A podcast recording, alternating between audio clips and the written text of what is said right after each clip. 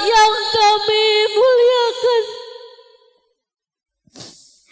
Sampailah pada puncak acara yang kita nantikan bersama.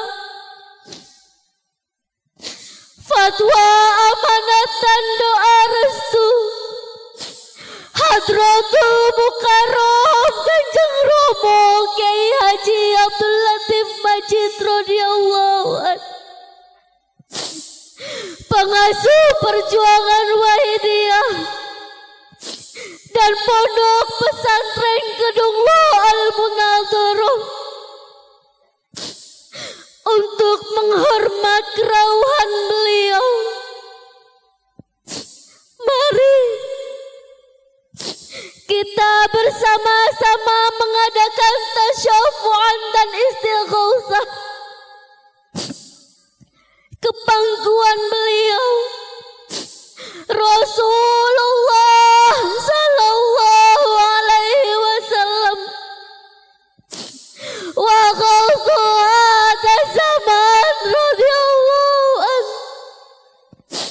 Dengan adab lahir batin yang setepat-tepatnya. Hadirin dimohon berdiri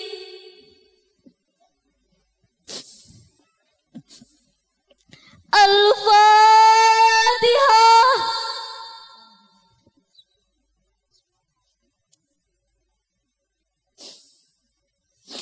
Ya Syafi'ah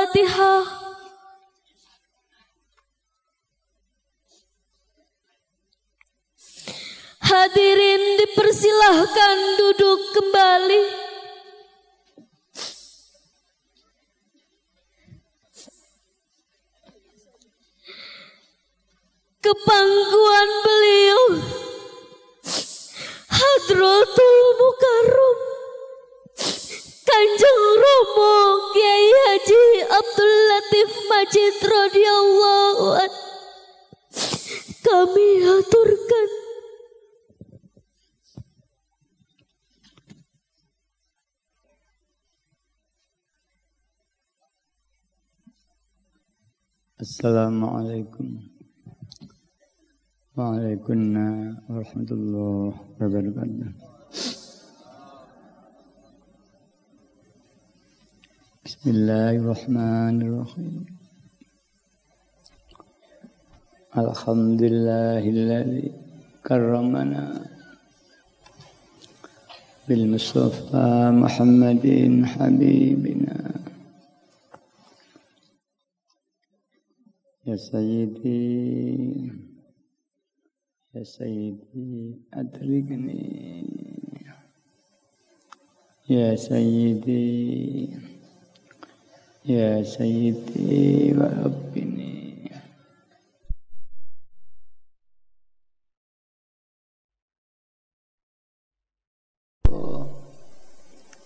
Wa anta min nuril ladzi qad khalaqah يا خير خلق الله حقا أجمعين. أنت الإمام الأنبياء والمرسلين. يا أيها الرسول يا محمد.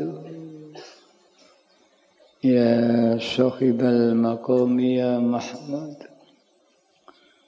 يا أيها الشفيع يا مشفع. كل شفيء هو منك يشفع. يا أيها السلام عليك ربني بإذن الله.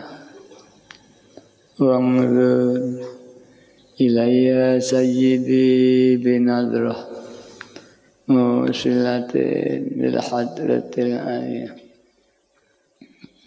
يا ربنا اللهم صل وسلم على محمد شفيع الأمم والآل واجعل لنا ومسلمين بالواحدية لرب العالمين.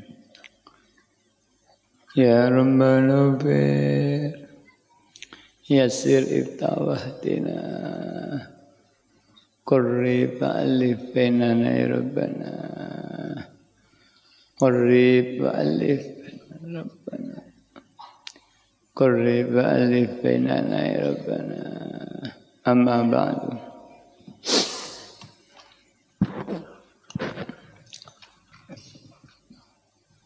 Makaram Mbah Yai Mu'alib Sodaitiyah Qaddasallahu sirrah. Taufik dan hidayah dari Allah SWT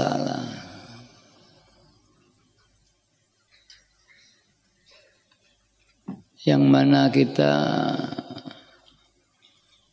diberi kemampuan untuk melaksanakan dan mengikuti mujadah kubro gelombang yang kedua yang diperuntukkan serta bertanggung jawab para ibu-ibu baik pusat sampai daerah-daerah. Yang mudah-mudahan ini betul-betul diridhoi Allah Subhanahu wa taala. Salawat dan salam yang sebaik-baiknya Mudah-mudahan dilimpah ruahkan kepangkuan beliau Rasulullah sallallahu alaihi wasallam.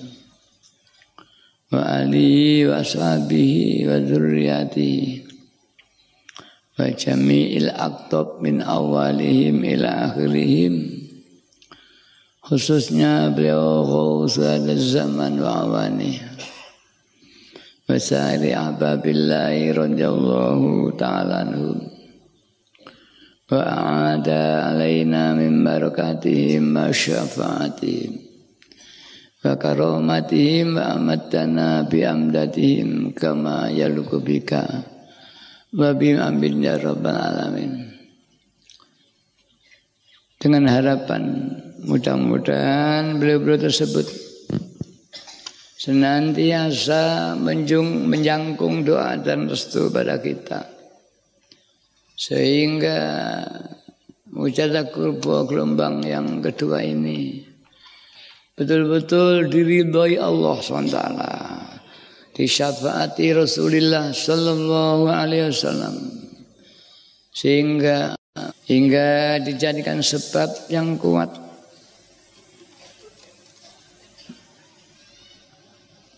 umat dan masyarakat berbondong-bondong fafiru ilallah wa rasuli sallallahu. Para bapak, para ibu khususnya Berjuang waidah masih jauh. Keadaan masyarakat kalau kita mengikuti setiap hari melalui TV, surat kabar makin memprihatinkan baik itu di bidang akhlak, di bidang pergaulan, makin lama makin hancur. Walaupun sisi lain perjuangan agama juga makin dibuka oleh Allah. Salairiah umat Islam terus bangkit dan berkembang. Tapi kebangkitan dan kembangan ini? Apakah seiring dan sejalan perkembangan batiniahnya pengerengan keimannya tidak sekedar percaya tapi keimanan ini telah meningkat menjadi satu iman yang ihsan yang meningkat lagi iman musyahadah kepada Allah SWT. Kita dididik bahayai Qacal sirrah berantallahu anhu. Perjuangan kita dalam perjuangan waitiyah. Bukan sekedar memperjuangkan Islam. Asal kita sudah syahadah, sudah.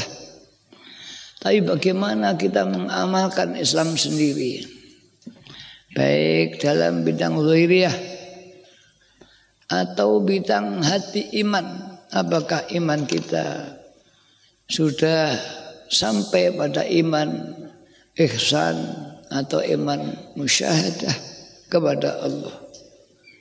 Itulah yang diperjuangkan Mbah Yai 55 tahun yang lalu. Beliau diperintah oleh Rasulullah sallallahu alaihi wasallam li muslihina bainan nas untuk memperbaiki keadaan masyarakat. Apakah pada waktu masyarakat tidak ada umat Islam? Tidak. Pendidikan Islam sudah maju, pondok-pondok pesantren sudah bangkit. Tapi mengapa masih diperintahkan oleh Rasulullah SAW? Karena Islam kita belum Islam yang sempurna. Islam yang kamil. Iman yang kamil.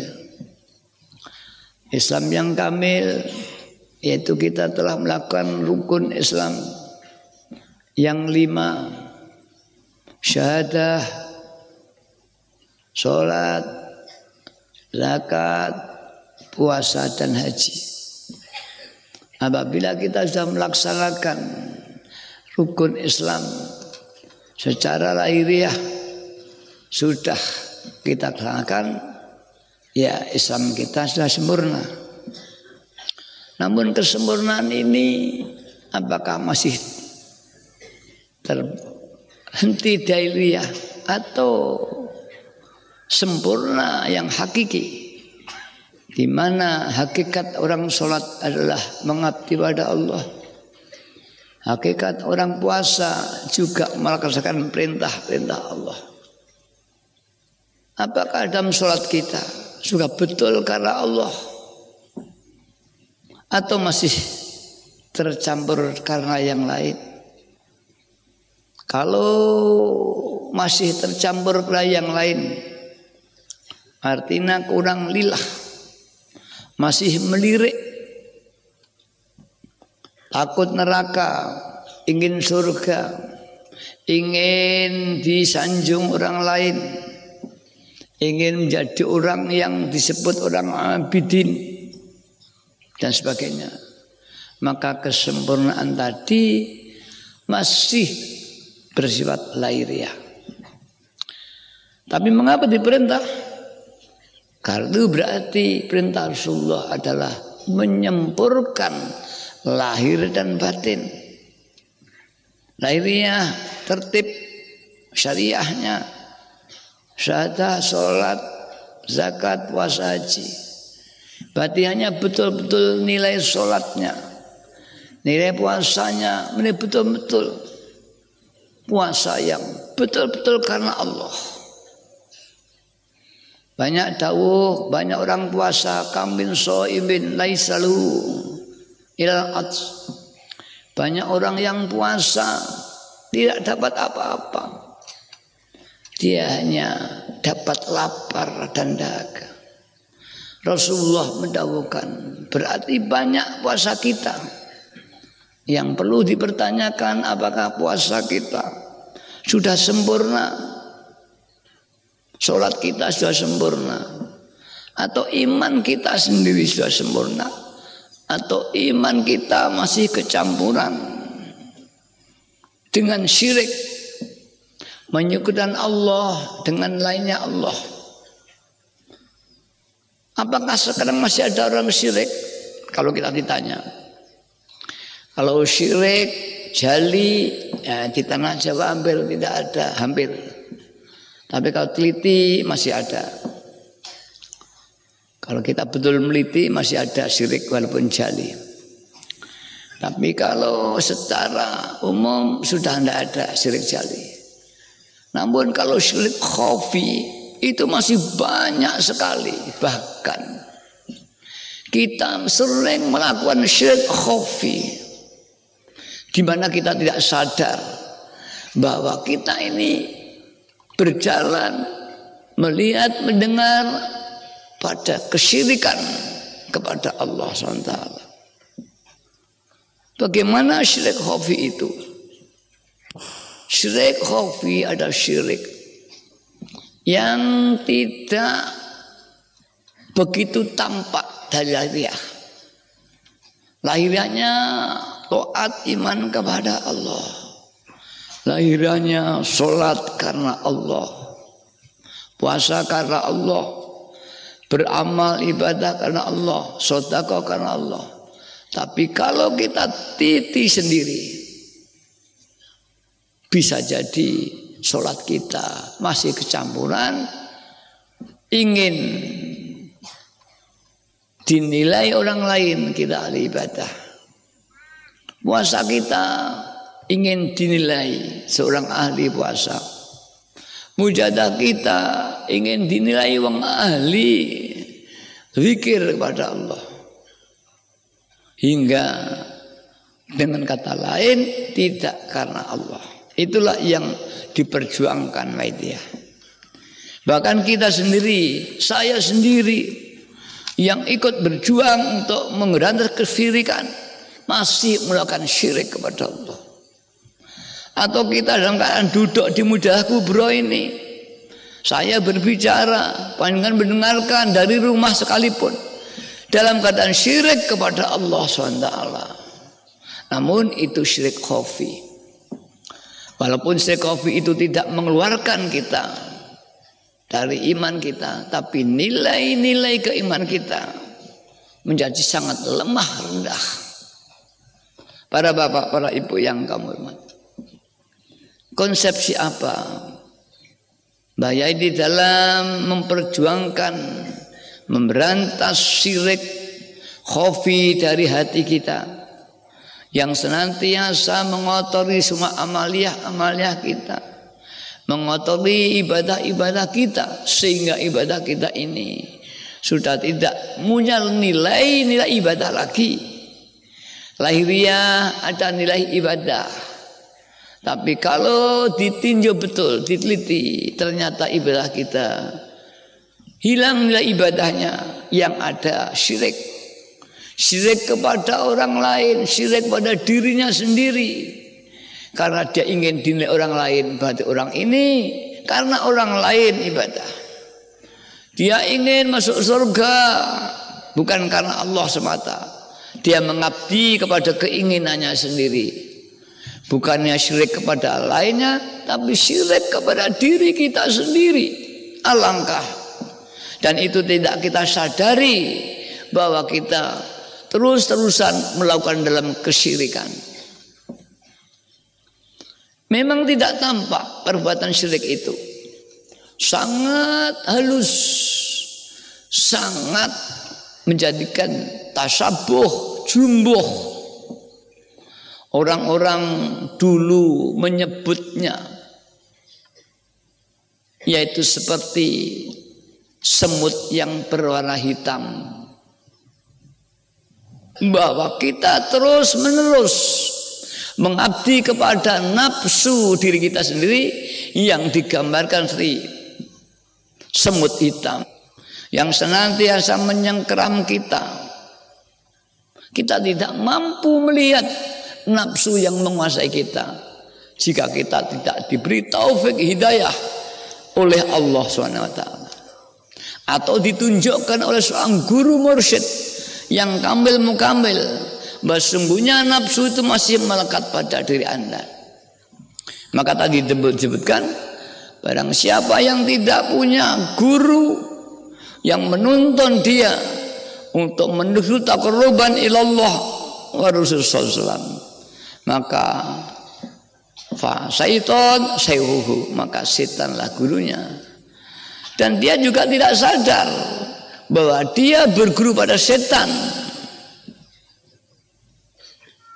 Karena nafsu dan setan sulit dibedakan mana yang nafsu mana yang setan kalau sifat-sifatnya sama keinginannya sama maka sulit membedakan antara setan dan nafsu bahaya yang mau diberi petunjuk bagaimana untuk mengenal nafsu itu Bagaimana membedakan itu nafsu? Itu Allah. Apakah kita itu mengabdi kepada Allah atau mengabdi kepada setan? Mengabdi kepada nafsu. Kadzabta, kamu bohong. Kamu menipu. Kau berkata ibadah karena Allah. Beramal karena Allah. Tidakkah kau nyadari pada waktu kau sholat bukan karena Allah. Hanya lisannya saja yang berkata lillahi ta'ala. Inna sholati wa nusuki ya ya lillahi ta'ala. Hanya lisannya saja. Dibuka oleh Allah. Maka banyak kita, saudara kita, tidak tahu kita beribadah. Yang kita anggap kita sudah menyembah Allah. Tapi sungguhnya kita masih oleh Allah Ta'ala Rasulullah SAW untuk irsyadul kolbi ayil kolbil ummah. Yaitu menuntun hati manusia. Seperti kita kita ini yang gelap yang tidak bisa membedakan antara nafsu dan Allah. Nafsu kita anggap Allah. Kita taati.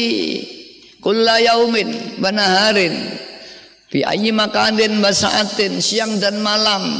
Di mana pun dan kapan pun berada kita kau ingin mengenal bahwa kamu masih dikuasai imperialis nafsu atau kau sudah dikuasai dengan ketuhanan Allah Subhanahu wa taala. Akhirnya Mbak Yai mengeluarkan satu sistem yaitu yang disebut lillah dan billah. Hanya dengan tik tik tik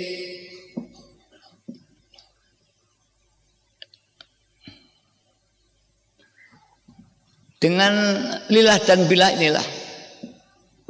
Detektor ibarat alat sekarang detektor ibarat kimia reagen apabila dikasih detektor ya maka kan tampak bahwa dia sesungguhnya masih ada nafsu. Toh karena digambarkan bagi kimia. Nafsu kita sudah senyawa dengan hati kita hingga tidak bisa membedakan. Maka dikasih reagen lillah dan billah. Akan tampak sungguhnya jelas sekali bahwa kita masih karena nafsu bukan karena Allah. Yaitu lillah dan billah yang telah diajar kepada kita. Yang harus dilatih diri Allah setiap saat. Di mana pun dan kapan pun berada dilatih lillah dan billah.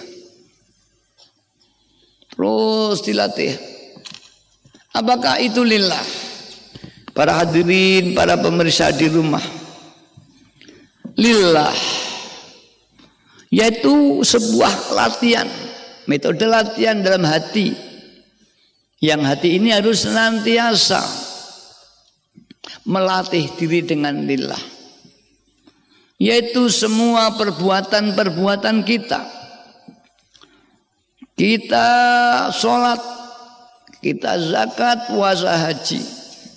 Kita bekerja kita ke pasar, kita tidur, kita mandi.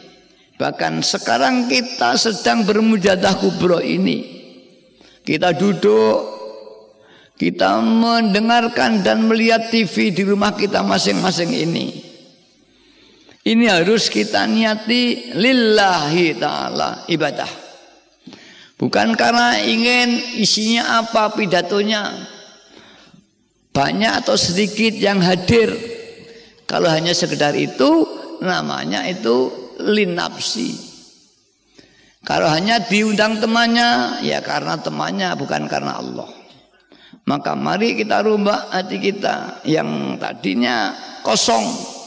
Ya tidak karena Allah ya tidak karena lainnya. Pokoknya dengarkan saja.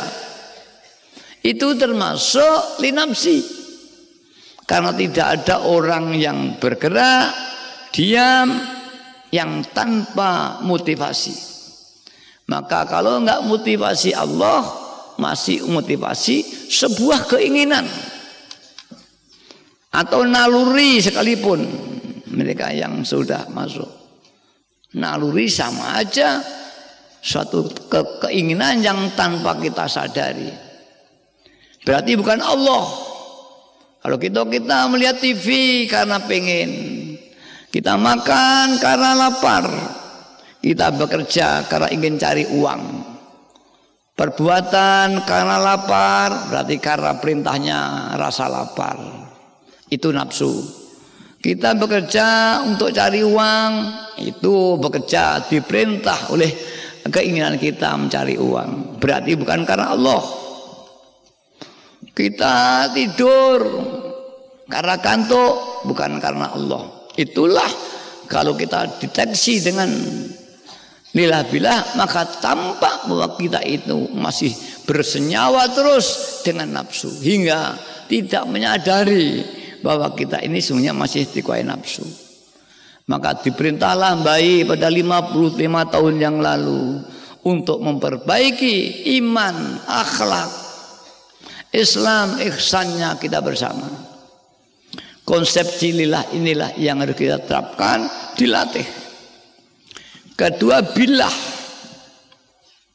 Semua perbuatan kita, sholat kita, yang tadi kita lilahkan, bekerja kita, ini kita harus tidak mengaku bahwa kita ini punya kemampuan melakukan perbuatan tersebut merasa mampu melakukan perbuatan sholat, merasa mampu melakukan perbuatan uh, bekerja, makan, tidur. Jika itu tetap kita aku, kita syirik. Karena yang bisanya Allah, yang punya kudra Allah, punya irada Allah, bila uh, sifat kewiyun Allah. Kita tidak, kita dhaifun. Lillah dan bila ilah menerapkan syahadah. Asyhadu alla ilaha illallah. Maka inilah kita memperjuangkan iman. Kedua, lir rasul. Apabila kita sudah lillah dan billah. Tapi belum ke rasul, ibarat syahadat masih syahadat ilahiyah. Belum sempurna dengan syahadah risalah. Asyhadu alla ilaha illallah. Ini syahadah ilahiyah yang sifatnya uh, lisan. Kemudian disertai syahadah kolbi sempurna. Namun ini belum merasa merasakan ketuhanan Allah atau masih syahadah siri belum syahadah kolbi. Syahadah siri itu ya baca syahadah kemudian ya, dan mati. Kalau syahadah kolbi dia tidak tidak berbicara syahadah tapi dia langsung merasa dia dikuasai Allah. Hingga dia tidak melihat tidak mendengar tidak diam semua Allah yang menggerakkan Aku bicara Allah yang membicarakan aku. Aku salat Allah. Aku zakat Allah. Aku mendengar ini Allah bukan aku. Aku bekerja ibadah karena Allah. Dan aku tidak bisa ibadah Allah. Aku berniat ini Allah yang meniatkan hatiku. Sehingga tidak ada merasa punya kemampuan sama sekali. La haula wala quwata illa billahil azim. Kalau Rasul nderek perintahnya Rasul. Di samping karena Allah, ya karena perintah Rasul. Ibadah makmum Rasulullah sallallahu alaihi wasallam. Juga menyadari kita bisa sholat, zakat, puasa, haji. Kita sadari kalau bila ini yang menggerakkan Allah sing ubahne Allah. Tapi dari Rasul ini yang memberi petunjuk menuntun Rasulullah SAW Maulah Rasulullah Sallallahu Alaihi kita tidak tahu iman Islam. Semua bahkan sampai tingkat syariat syariat. Fikih ini dari Rasulullah. Kita harus sadari kita tahu syahadah. Ini bukan karena ilmu kita karena dituntun Rasulullah Wasallam. Inilah bi Rasul lillah dan billah ini sebagai pembersih hati, pengurai hati dari senyawa nafsu. Barang siapa yang belum lillah dan billah, setinggi apa pun ilmunya, se ekstrem apa pun memberantas syiriknya, lahiriah mungkin sudah bersih dari syirik. Dia tidak menyembah batu, dia tidak percaya dengan adanya apa pun. Tapi kalau batinnya dia masih merasa sudah bebas dari syirik, maka dia dalam keadaan bersyirik juga kepada Allah. Di mana syiriknya? Yaitu merasa dia telah tidak syirik. Orang keluar dari syirik, akhirnya merasa tidak syirik, itu sudah syirik lagi. Karena bebas syirik itu sendiri bukan kita, tapi Allah SWT yang menggerakkan. Di situ akhirnya kita merasa bebas dari syirik, sembunyi dalam keadaan bersyirik kepada Allah SWT. Maka dikatakan, apakah kita bisa bebas dari nafsu? Apakah kita bebas dari syirik? Sulit. Seperti semut yang hitam berjalan di tempat yang hitam, di ruangan yang gelap. Tidak bisa membedakan. Kecuali dituntun oleh guru mursyid yang ditugaskan Allah untuk irsyadul qalbi ila wusul Allah Subhanahu wa taala. Alhamdulillah Mbak Yai mendidik kita Tinggal kita mau atau tidak dengan anjuran dan didikan bayai. Betul-betul totalitas atau hanya ingin ya sekedar. Terus ini dilatih. Insya Allah dilatih betul. Tinggal berapa menit yang bisa kita lilah dan bilah. Berapa yang tidak. Maka Mbah Nyai dulu sering menganjurkan nah, kau sering istighraq. Minim istighraq wah, wahidiyah. Syukur sudah mencapai istighraq ahadiyah. Hingga mencapai fana la maujuda ilallah. Dirinya pun hilang. Alam jagat raya hilang. Hanya ahadiyah. Lap hilang kosong gung lewang lewung yang ada hanya Allah. Itulah istighraq ahadiyah. Kalau kita ini kuat tapi jarang kuat, ini hanya beberapa detik. Kalau istighraq wahidiyah itu lillah dan billah tidak bisa. Tapi lihat ahadiyah ini sulit lap pergi, lap pergi. Illa kecuali Allah mengendaki. Pernah terjadi zaman Mbak Yai ada supir bis namanya Pak Ali Bajong.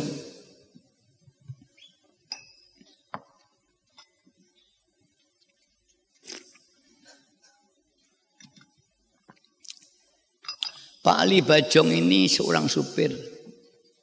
Rumahnya Kauman Kepanjen. Dia menyupir Malang Blitar. Blitar Malang. Tidak sekali dua kali, walaupun tidak terus-terusan. Sering. Dia dari Malang, nyetir, masukkan persnelang. Mereng berjalan, kemudian ada istighroh. Hilang dirinya.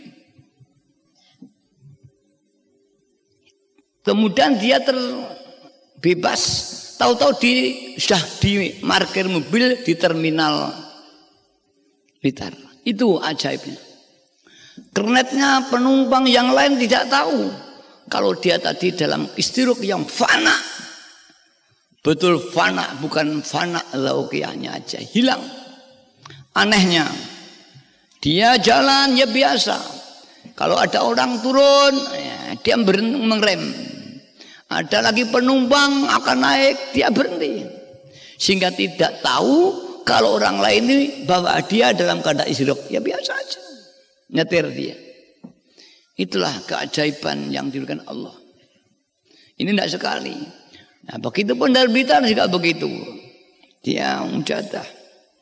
Syadat istighroh. Iki dia.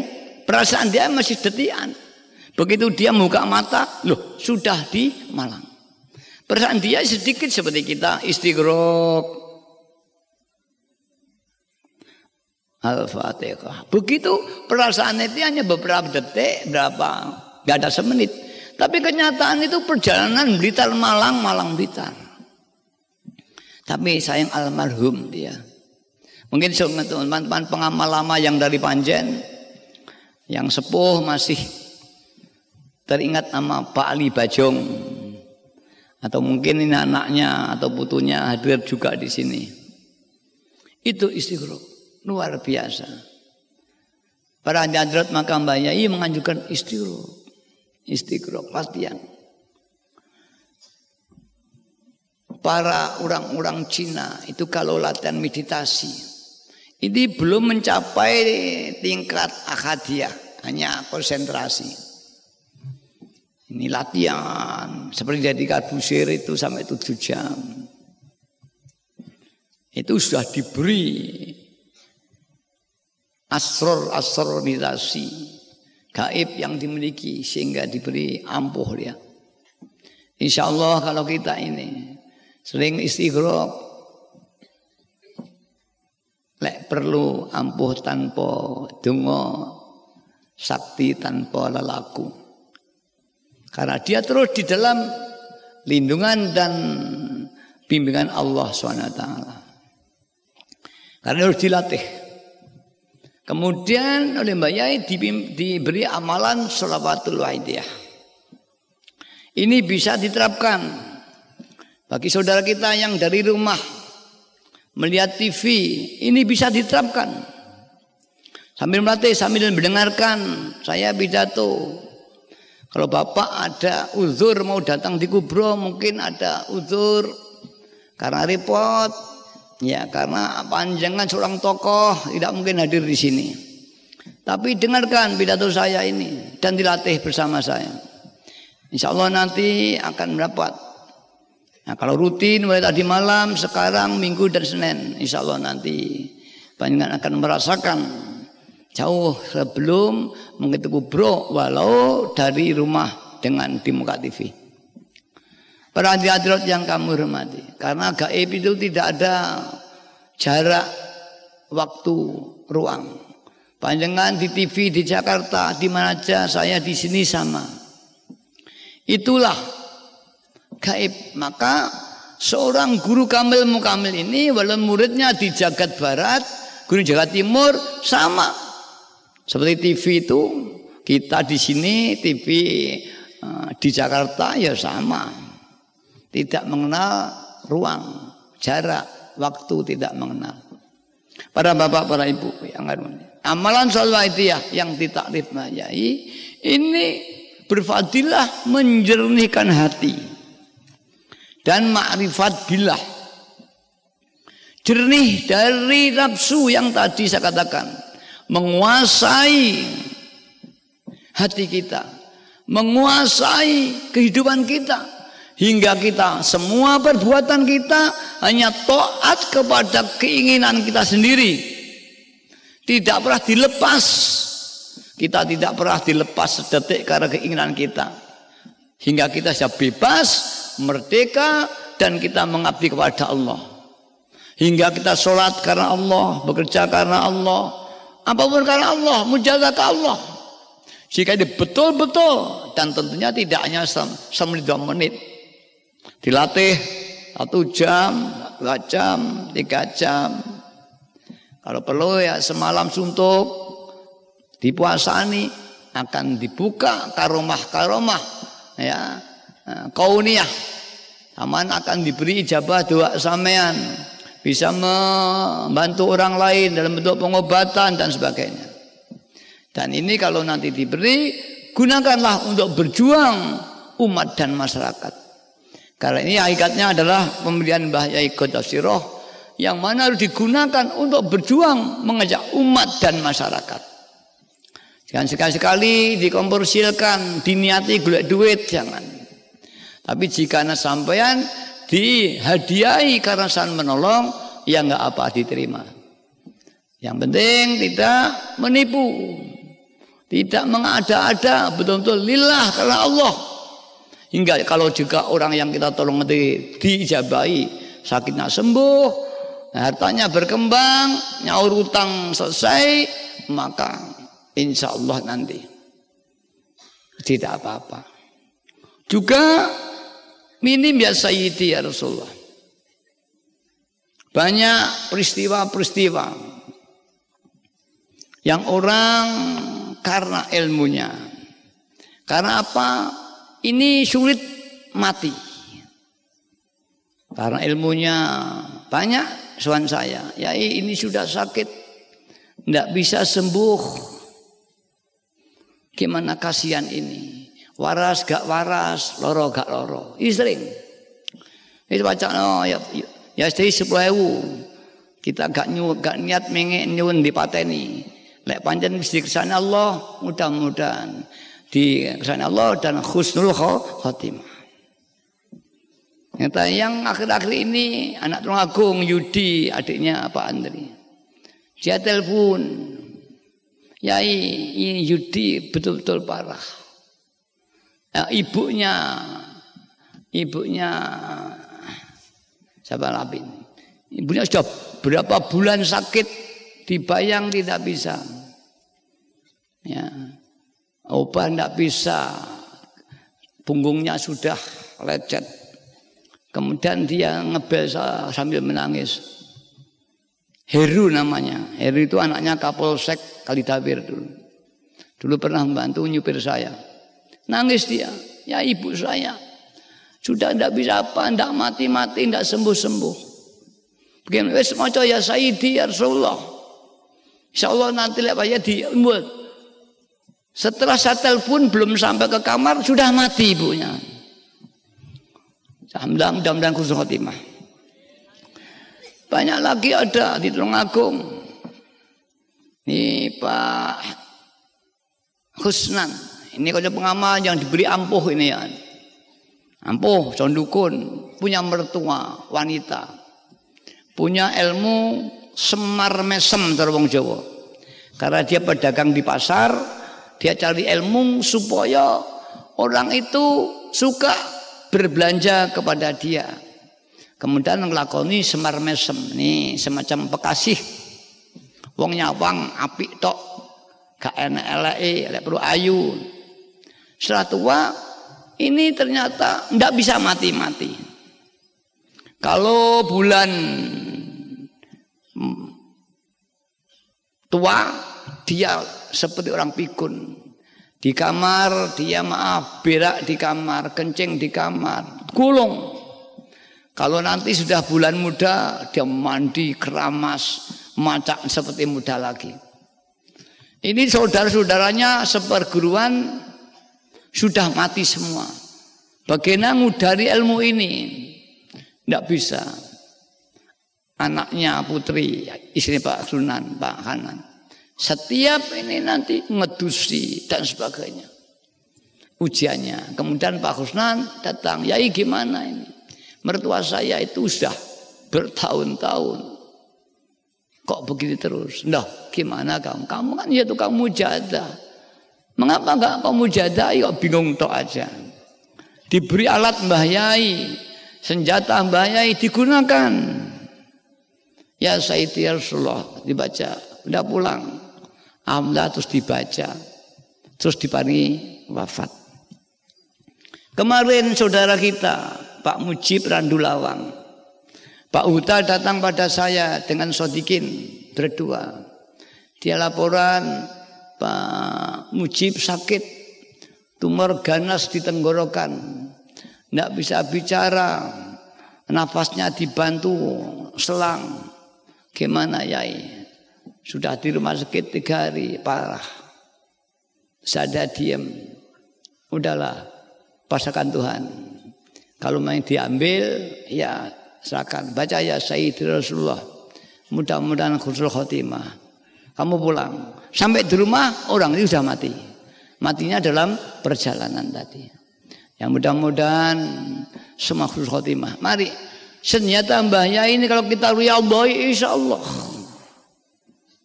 Baik itu soal ekonomi, soal apa saja. Asal sungguh-sungguh. Saya sering, bagaimana ya supaya ampuh.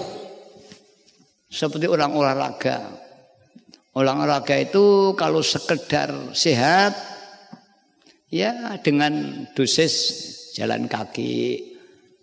Nah, pengen itu sehat lagi, jalannya agak cepat, jaraknya juga lebih jauh. Kalau ingin cepat lagi, ingin meningkat lagi, ya latihannya lebih betul.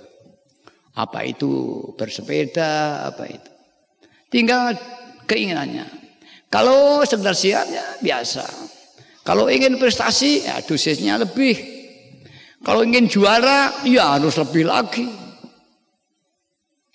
Kalau ingin paling juara tingkat kota Kediri, tingkat Jakarta, ya latihannya lebih. Begitu mujadah. Kita sering diberi ringan oleh Mbah Yai. Cukup mujadah 40-an hari lembaran wahidah itu. Kalau sudah tamat kita boleh pakai 717. Kalau 17 sudah kita pakai 337 tergantung keadaan. Kalau ada hajat ya sayyidi harus 10 ribu. Nah itu hanya berapa jam? Kalau ya sayyidi Rasulullah 10 ribu hanya 2 jam. Kalau Rembaran hanya setengah jam. Kalau 7-17 hanya berapa menit? 5 menit, 10 menit. Kalau 37 ya lebih kecil lagi. Tapi mengapa saya belum dijabai dan tidak ampuh ya? Ya tidak ada. mau ingin beli Mercy duit satu sewu ya rena lah jalan kalau ingin angkutan mujadah dipempeng kalau bab rezeki yang setelah 17 itu yang bab rezeki ada itu dibaca dua jam jam tiga teko subuh besok nanti jam uh, dua teko subuh terus latihan malih jam 12 sampai subuh Latihan nale jam 11 sampai subuh. Sampai diberi kemampuan maghrib sampai subuh. Tanpa mengganggu. Kalau hari perai jajal uzlah. Sehari semalam tidak keluar dari kamar. Riadoh betul-betul. Dipuasani. Kalau lebih empat hari ya, kalau enggak satu tahun dua tahun, insya Allah anda diangkat pada makom tajrid. Maka banyak pengamal muda-muda yang datang pada saya, Amda Yai, saya ngadung ya di wali, sing gak nyambut gawe cukup. Ayo anggar mujadah. Ini anaknya tangga. Dia us keramat di rumah, ya dengan ijabah datang dari saya. Saya ingin ke Jepang Yai. Aku ya enek-enek ayam. Kamu neng omah dicukupi Allah, panganmu cukup, ya cukup. Kirang kata, ya wis Buddha, berangkat ke Jepang. Ternyata di sana kerasan, pulang lagi. Makamu gak neng Jepang, le Di sini aja, lihat tuh. Kamu jaluk tajid keramat. Musa udah keramat, cek kurang sugih nih. Itulah manusia, manusia. Ya moga-moga kalau anaknya ada di sini ya nggak terus tak omongi kamu. Ya orang itu harus sesuai dengan tingkatannya. Iradatuka alal kasbi ma'a ikomatillahi iyaka fil tajrid itu inghitatul himmatul aliyah. Barang siapa yang sudah dikai makom tajrid. Makom tajrid itu nyepi artinya tidak mencari golek pekerjaan. Mek ndonga tok tawakal. Kemudian itu dicukupi oleh Allah. Dan nggak jaga nih wong liya ada saja.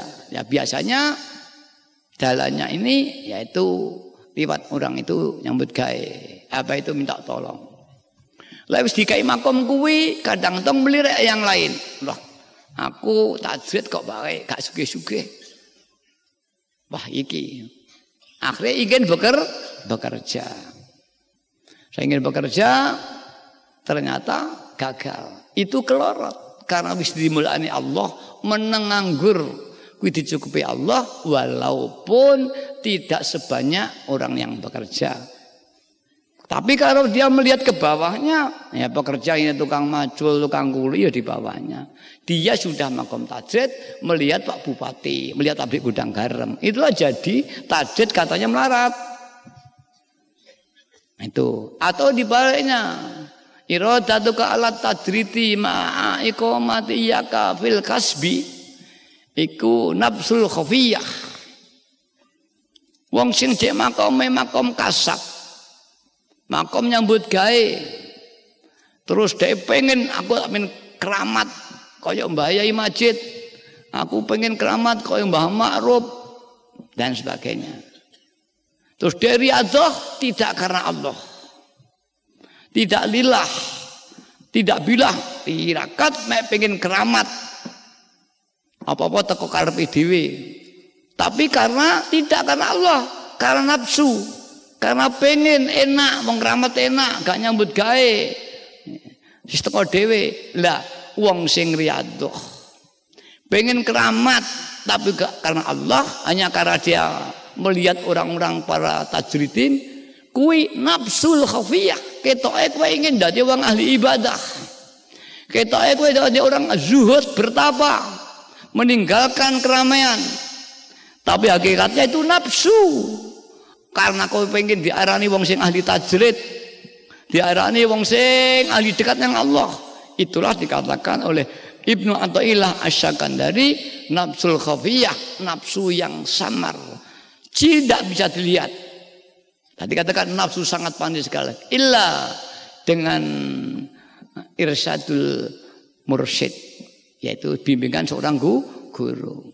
Para hadirin hadirat yang kami hormati. Para bapak, para ibu-ibu mari. Panitia sudah lengkap. Ibarat senjata untuk memerangi nafsu sudah ada. Untuk supaya kita nggak kepleset sudah ada petunjuknya. Ingin diparingi ada kesulitan sudah ada doa, doa bab rezeki, doa bab keamanan. Nah, doa apa saja sudah dilengkapi. Doa untuk bertani sudah ada dan sebagainya. Tinggal mau melakukan, mau meriak boy atau tidak. Walladzina jahadu fina lanahdiyannahum subran. Barang siapa sungguh-sungguh di jalan Allah akan diberi petunjuk. Apa itu bab usul pada Allah? Apa itu bab rezeki? Apa itu bab apa saja? Insya Allah dibuka. Para jadot yang hormati para ibu-ibu, mari kita sudah lama jadi pengamal waitiyah. Kita masih berjalan di tempat. Banyak pengamal baru sama rata di seluruh dunia. Di Malaysia sudah kita bentuk PW Malaysia. Insya Allah nanti pada hari raya kita ada nisfu di Kuala Lumpur kalau enggak ini nanti kita mulai kalau di Susana di Indonesia per provinsi. Nanti kalau di luar negeri ini Susana per negara. Ini Malaysia tahun ini. Nah ini tahunnya akan datang di Susana di Hong Kong. Nah itu laki-laki di Makau. Nanti di uh, Korea atau mana itu. Mereka sudah sepakatan. Dan Alhamdulillah ini yang daftar mau ikut rombongan ke Malaysia sudah ada orang 130.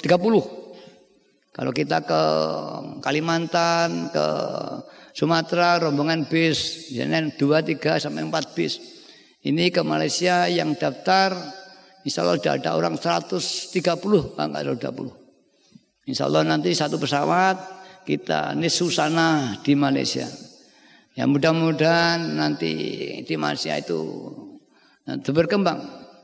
Dan itu mulai kedutaan Indonesia yang di sana. Dan kebetulan saya kemarin beberapa hari melihat TV dutanya Pak Dino Pati Jalal. Di mana pernah ketemu saya di Istana Negara. Pada saat itu saya uh, menghadap Pak Bambang Sudoyono. Di sana ada Pak Susilalahi, ada Pak harta jasa, ya, ada Pak Maftu, lah di luar rupanya. Ini Andi Malarangeng sama Pak Dino Pati Jalal.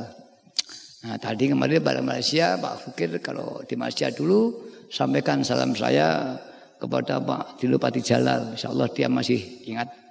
Kebetulan dutanya Malaysia sekarang beliau. Yang mudah-mudahan kita ini sehari raya kita adakan susana ah, di Malaysia di Kuala Lumpur. Saya itu nanti di Hong Kong, di Makau dan insya Allah mudah-mudahan kita sudah mulai merintis mbak resmi perwakilan Indonesia nah, di Hong Kong, perwakilan di Brunei, nanti di Saudi kita juga muka resmi. Kalau dulu-dulu kita bangun tidak resmi, nanti resmi. Melalui kedutaan besar di satu negara. nanti kalau sudah kita resmi dalam perlindungan kedutaan, nanti dengan kedutaan kita akan dikenalkan kepada menteri agama setempat. Hingga kita nanti ada surat izin resmi untuk penyiaran kepada di Malaysia baik kepada pendatang maupun warga negara Malaysia atau Hongkong. Ya mudah-mudahan tidak akan lagi kita mencapai seluruh dunia perhatian amin amin. Dan ini para ibu-ibu menunggu ibu-ibu yang siap kita kirim di seluruh daerah di mana-mana. Yang biasanya baru Pak Sukir yang saya kirim. Yang nanti akan berganti-ganti. Maka remaja, ibu-ibu apa harus siap dikirim. Kalau ke Hong Kong kita sudah sering mengirim benda ganti. Kalau di Malaysia masih satu. Dan Alhamdulillah itu nanti Nah, terus berkembang. Mungkin nanti kita buka di Bangladesh.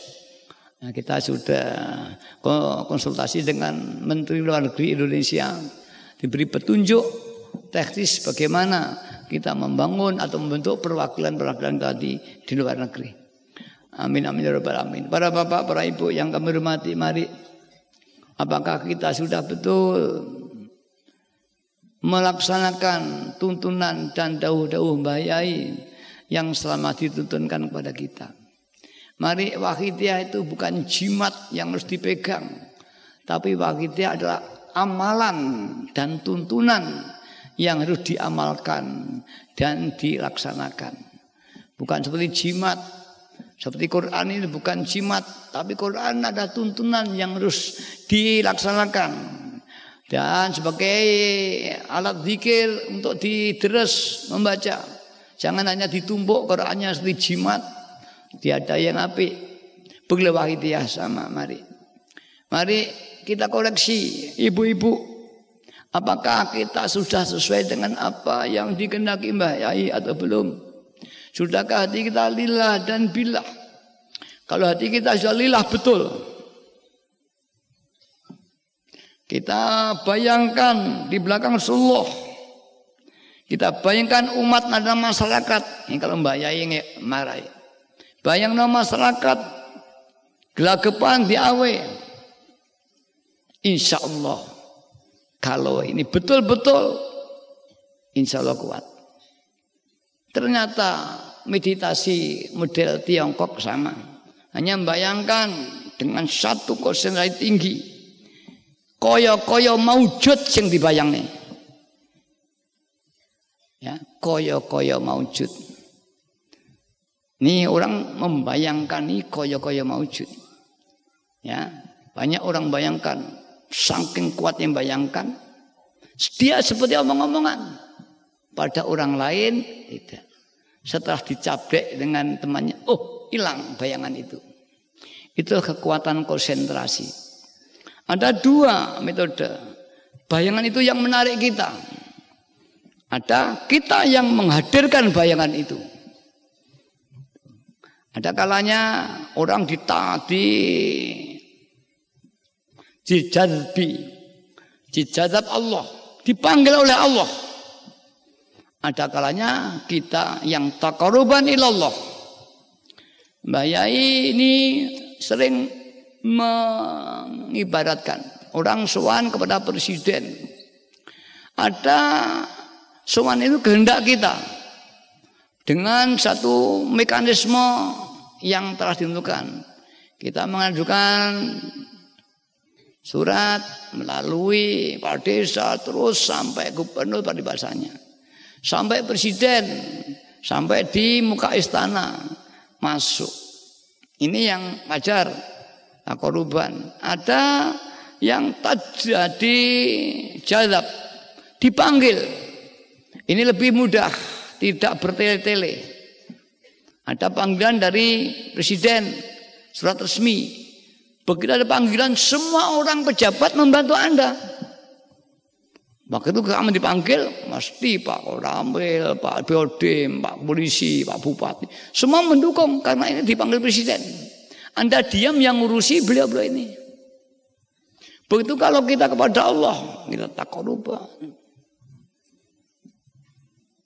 Kalau dipanggil Allah, orang cepat. Nah, jazabnya macam-macam. Begitu kita ada yang yang dari bawah, ada yang lama, satu bulan, dua bulan, setahun dong hasil. Ada yang cepat, dalam seminggu, alhamdulillah. Ada yang dipanggil langsung surat datang. Ada yang manggilnya langsung sudah di Jakarta tahu-tahu. Betul orang pada Allah. Tidak melalui tahapan lillah, billah, li rasul, berasul. Ahadiyah, wahidiyah, ahadiyah. Fana sifat, fana af'al, fana zat. Ya. Jam'u, farku, langsung. Dan wahidiyah itu oleh Mbak dicepatkan langsung. Tidak melalui tahapan-tahapan yang bertele-tele. Tapi langsung di hadronya Allah subhanahu wa ta'ala. Begitu mudah dan simpelnya.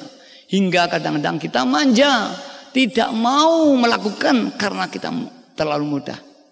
Sedangkan beliau sedang kali jogo bertele-tele, bertahun-tahun tirakat dia lakoni. Tapi karena mudahnya seperti ibaratnya anak orang kaya. Kalau anak orang nggak punya mati-matian dia ingin kaya, riadoh. Ya. Semua dipari rezeki sing jembar. Belajar nyambut gawe mati-matian. Menyadari kalau dia anaknya orang tidak punya. Tapi anaknya orang kaya di kota-kota besar ini banyak kebanyakan tidak menyadari karena setiap hari tidak pernah kekurangan. Mau pergi jaluk bapak oleh hingga dia tidak ada pikiran mau bekerja tidak mau. Inilah efek daripada anaknya orang kaya. Begitu kita murid Mbah Yai dengan kemudahan-kemudahan yang diberikan Allah lewat Mbah Yai, kita manja, tidak mau riyadhah karena semua gandol Mbah Yai qaddasallahu sirruh. Kita tidak riyadhah dikenalkan Mbah Yai. Kita tidak tahu jalan dituntun sampai di tujuan. Akhirnya kita jadi orang yang manja, tidak mau Begitu ditinggal bayai, kita seperti anak ayam kehilangan induk, bingung.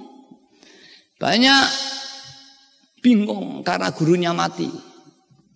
Jadi dikatakan barang siapa yang tidak punya guru, guru setan. Ada dawuh apabila seorang murid ditinggal mati gurunya, wajib dia mencari guru lagi.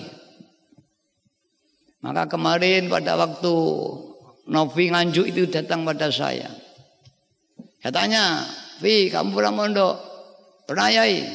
Berarti kamu ahli toreko. Ya, ayo sengko tak pejang, jajali torekohmu nanti, ada aku. Sosok dia datang. Dia cerita bahwa dia torekoh pada nenek istrinya. Istrinya Syarifah. Syarifah itu anaknya Habaib. Ini Nabi nganjuk itu. Yang ngerungok nih, ngerungok nih Pak Novi itu. Datang minta empat mata dengan saya. Padahal dia dengan ajudannya banyak. Empat nyata, ada apa kau minta mata? Cerita. Saya punya mbah dari saya ampuh ya. Kurang mati kurang-kurang tahun ini sudah tahu. Ini belum jadi pada waktu itu belum jadi bupati ketemu dengan saya. Terus Termasuk saya tidak, kamu jangan pergi pada tahun ini ini saya akan mati. Terus saya lupa dalam perjalanan di bel sudah tidak mungkin mati. Kau besok akan jadi bupati, diberitahu. Tapi di mana nggak tahu ya. Nah sekarang mudah-mudahan nganjukin, ya mudah-mudahan jadi nganjuk kamu. Terus ngomong toriko, toriko saya ini ini ini. Terus diskusi. Kemudian saya dipesan, "Pi, besok le aku mati. Kue golek guru neh." Ini caranya. Tang putih, Mbah. Kue melakukan ngidul saka omahmu. Engkau bakal oleh guru kowe. Sekian tahun lupa dari ingatan itu. Sudah, karena cari gak ketemu, cari gak ketemu ya ngayai, akhirnya lupa. Nah, ketika jenengan ndangu kula, kowe anak toriko, ya tak wejang kowe. Kula kelingan yai. Sakniki terus dodok kula sanu pejang to dikoh wahidiyah. Wahidiyah itu enggak ada pejangan, yang penting ngamalno tenanan. Itu. Dan janji apa? Janji kula wahidiyah saya besarkan di nganjuk yai. Tuh. Terus saya tidak akan menjual jabatan. Ya wis sing aku engko kon ngamali kabeh wong-wong. Ya mudah-mudahan janjinya Pak Novi ini nanti bisa memajukan nganjuk dan alhamdulillah di nganjuk sekarang usbuiyah syahriah berjalan ya, di pendopo dia keluarga dengan pegawai-pegawai kemudian saya datang kemarin alhamdulillah ya mudah-mudahan ini nanti terus dari pejuang fafiru ilallah wa sallallahu alaihi wasallam para hadirin hadirat yang kami hormati ibu-ibu mari kesempatan ini bumbung masih ada sedangkan ya di luar Seperti Novi mencari bertahun-tahun setelah ditinggal mati uh, gurunya. Ini sampai dia lupa pesan daripada gurunya. Kepada gurunya mbahnya sendiri, mbahnya istrinya. Istrinya itu Syarifah. Ya, Syarif ada yang ngomong Sayyid, ada yang ngomong Syarif. Kalau Sayyid ya Sayyidah, kalau Syarif ya Syarifah kalau wanita ini termasuk istrinya Pak Novi Bupati Nganjuk itu. Ya mudah-mudahan dia nanti dari dari pejuang-pejuang fafiru ilallah wa rasulihi sallallahu alaihi wasallam amin amin ya rabbal alamin. Para bapak, para ibu mari yang terakhir sekarang mari kita mengoreksi hati kita apakah kita sudah lillah dan billah atau belum atau hanya ucapan kajian atau betul-betul sudah. Mari anak-anak kita juga harus kita lihat. Umumnya ibu-ibu itu lebih dekat dengan anaknya. Masa umum biasanya bapaknya yang banyak dalam di luar ibunya yang mendidik putra-putranya Mari anak-anak kita kita kenalkan kepada Allah Subhanahu wa taala. Jangan sampai nanti kita tinggal mati anak kita tidak kenal Allah. Akhirnya tidak kenal sama sekali pada Allah wa sallallahu alaihi wasallam. Mari berandati rot. Mumpung kita diberi kesempatan. Mumpung kita masih bisa berhubungan satu dengan yang lain. Para. Jika kesempatan itu telah hilang, kita hanya menyesal, menangis yang tidak ada artinya sama sekali. Tangis kita di dunia masih untung, kita bisa tobat. Tapi kalau nangis kita di akhirat besok, warahadat. Kita tidak bisa kembali ke dunia lagi, warahadat. Apa pun kita menangis, Mbak Yai sering menceritakan. Kita menangis sampai air mata keluar darah beranda Tetap tidak bisa kembali ke dunia untuk memperbaiki amal-amal ya kita. Ya itulah seukuran kita. Jika kita mati, ya itulah kita. Jika kita min ahli ibadah, kita diangkat menjadi ahli surga. Tapi Allah kita amin ahli maksiat basyirki. Ahli maksiat dan syirik kepada Allah. Kita narul jahannam barahadatirah. Anak-anak kita, mari kita selamatkan. Sudahkah anak kita akan selamat di neraka nanti? Ku angkusakum wa alikum naro. Apakah anak kita sudah terjamin selamat dari api neraka? Atau tidak? Kalau tidak, besok mungkin anak kita yang nyeret kita akan neraka. Atau sebaliknya. Anak kita baik, justru kita yang nyeret anak kita masuk neraka berhati Para bapak, para ibu, mari kita nangis semua. Kesempatan untuk nangis. Layat kholanar membaka min khosyatillah. Tidak akan masuk, masuk neraka Orang yang mau menangis karena Allah menangisi dosa-dosanya. Mari semua menangis. Yang ada di lapangan sini, yang ada di luar, yang ada di TV, di rumah masing-masing. Menangislah.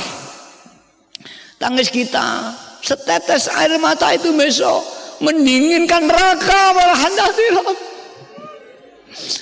Walaupun setetes air mata yang tidak punya nilai. Jika ini betul-betul karena Allah, kita akan dingin neraka dengan air mata itu warandatiro. Mari menangis dan anak-anak kita, tetangga kita kita selamatkan. Para pemimpin-pemimpin kita sampai presiden kita doakan mudah-mudahan mereka diberi taufik hidayah, diberi pengampunan oleh Allah Subhanahu wa taala. Al-Fatihah. Al-Fatihah. Al-Fatihah. Mari kita bayangkan kita makmum. Bahyai baghazu zaman. Makmum di belakang Rasulullah sallallahu alaihi wasallam. Ya, ka'annaka hadir di hadapan Rasulullah sallallahu alaihi wasallam. اللهم يا واحد يا واجد يا جواد. صلي وسلم وبارك على سيدنا محمد وعلى سيدنا في كل لمحة ونفس بعدد معلومات الله وفيضته اللهم يا واحد يا أحد. يا واجد يا جواد. صلي وسلم وبارك على سيدنا محمد. في كل لمحة أنت أهله صلي وسلم وبارك على سيدنا ومولانا وشفيعنا وحبيبنا وقرة أعيننا محمد صلى الله عليه وسلم كما هو. نسألك اللهم بحقه أن توفقنا في لجة بار الوحدة حتى لا نرى ولا نسمع ولا نجد ولا نقص ولا نتحرك ولا نسكن إلا بها. وترزقنا تمام مغفرتك يا الله. وتمام نعمتك يا الله. وتمام معرفتك يا الله. وتمام محبتك يا الله. وتمام رضوانك يا الله. وصلي وسلم وبارك عليه وعلى آله وصحبه. عدد ما أحط بعلمك وأصاه كتابك. برحمتك يا أرحم الراحمين. Walhamdulillahi Rabbil Ya syafi al-khalqi salat. Alaika nurul khalqi Wa aslahu wa ruhawal Faqad dhalamtu abada wa rabbin. Wa laysa li ya sayyidi siwaka Fa indarudda kunta يا شافع الخلق الصلاة والسلام. عليك نور الخلق هاديا وأصله وروحا وقد ظلمت وليس لي يا سيدي سواك. فإن ترد كنت شخصا. يا شفيع الخلق الصلاة والسلام. عليك نور الخلق هاديا وأصله وروحه أدرك وقل ظلمت وليس لي يا سيدي سواك فإن ترد كنت شخصا يا سيدي يا رسول الله. يا سيدي يا رسول Ya Seyyidi Ya Resulallah. Ya Seyyidi Ya Seyyidi Ya Resul Ya Seyyidi Ya Resul Ya Seyyidi Ya Resul Ya Eyyüvel Selamullah. alaika rabbini wangzur ilayya sayyidi musilatin ya ayyuhal salamullah alaika rabbi wangzur ilayya sayyidi binadr musilatin ya ayyuhal salamullah alaika rabbi وانظر إلي سيدي بنظرة موسلة يا شفيع الخلق حبيب الله صلاته عليك معنا ضلت ضلت قلتي في بلدتي خذ بيدي يا شفيع الخلق حبيب الله صلاته عليك ما ضلت ضلت قلتي في بلدتي خذ بيدي يا شفيع الخلق حبيب الله صلاته عليك مع ضلت ضلت إلتي في بلدتي خذ بيدي يا سيدي يا رسول الله يا سيدي يا رسول الله. يا سيدي يا سيدي يا سيدي يا سيدي يا سيدي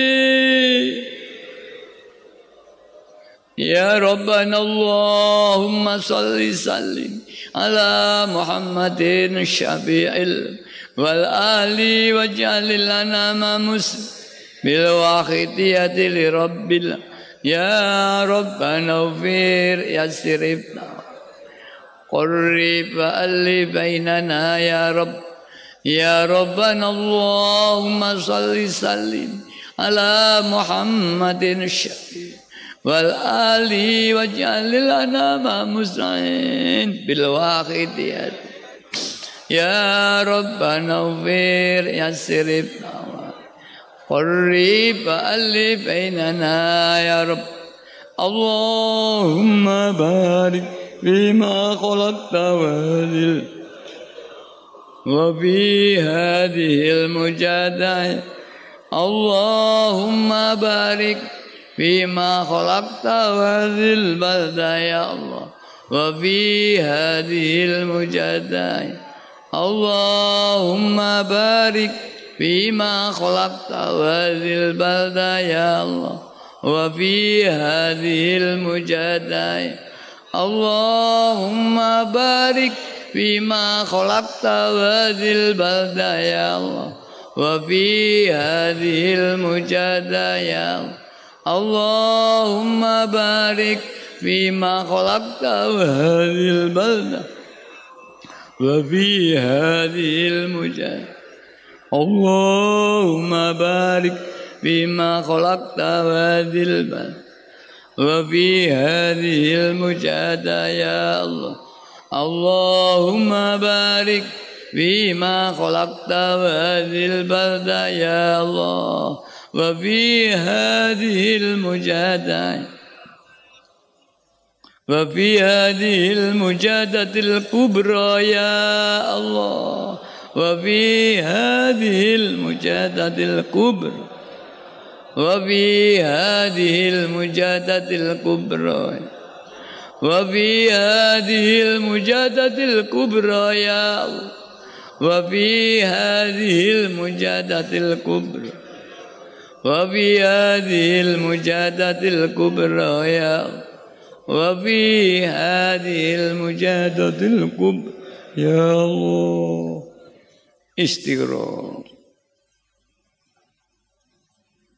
الفاتحة. بسم الله الرحمن الرحيم. اللهم بيقسم وبجاه سيدنا محمد صلى الله عليه وسلم.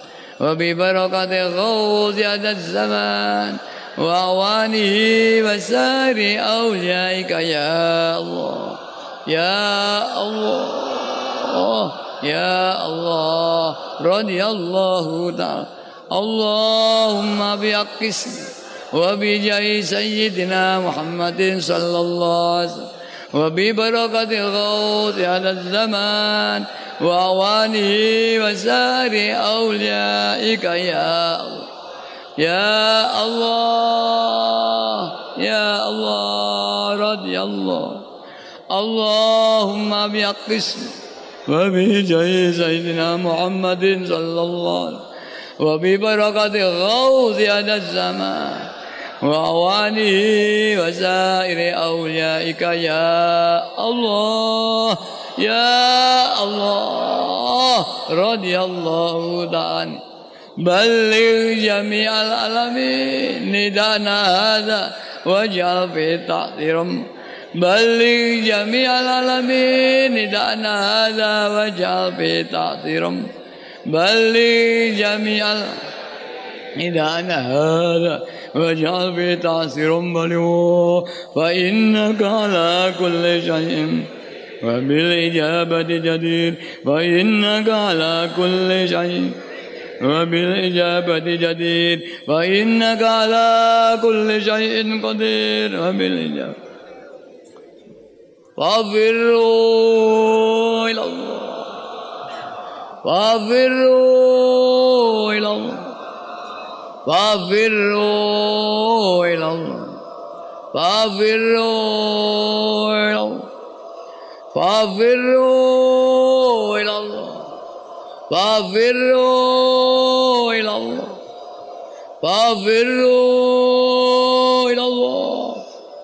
وقل جاء الحق وزاق الباطل. إن الباطل كان زهوقا وقل جاء الحق وزاق الباطل. innal batila kan wa qul ja'al haq wa zaqal batil innal batila kana zauqa al-fatihah Mari kita yakin permani dicapai Allah SWT. Para bapak, para ibu yang hormati, kami samakan saat pulang yang pulang di jalan terus mujadah di mana pun kapan pun mujadah Insya Allah nanti tidak terasa tahu-tahu hasilnya sangat banyak sekali. Tapi kalau kita main gung hasil gung hasil ya kita nanti hanya akhirnya gelisah. Terus dia mujadah Insya Allah Allah akan memberi yang tidak kita sadari. Demikian yang bisa kami sampaikan. Ada kurang lebih mohon maaf yang sebesarnya Akhirnya wabillahi taufik wal hidayah. Amin Rasulillah sallallahu alaihi wasallam asyaba tarbiyah. Amin ghausadal zaman an-nar wal barakah. Wassalamualaikum warahmatullahi wabarakatuh.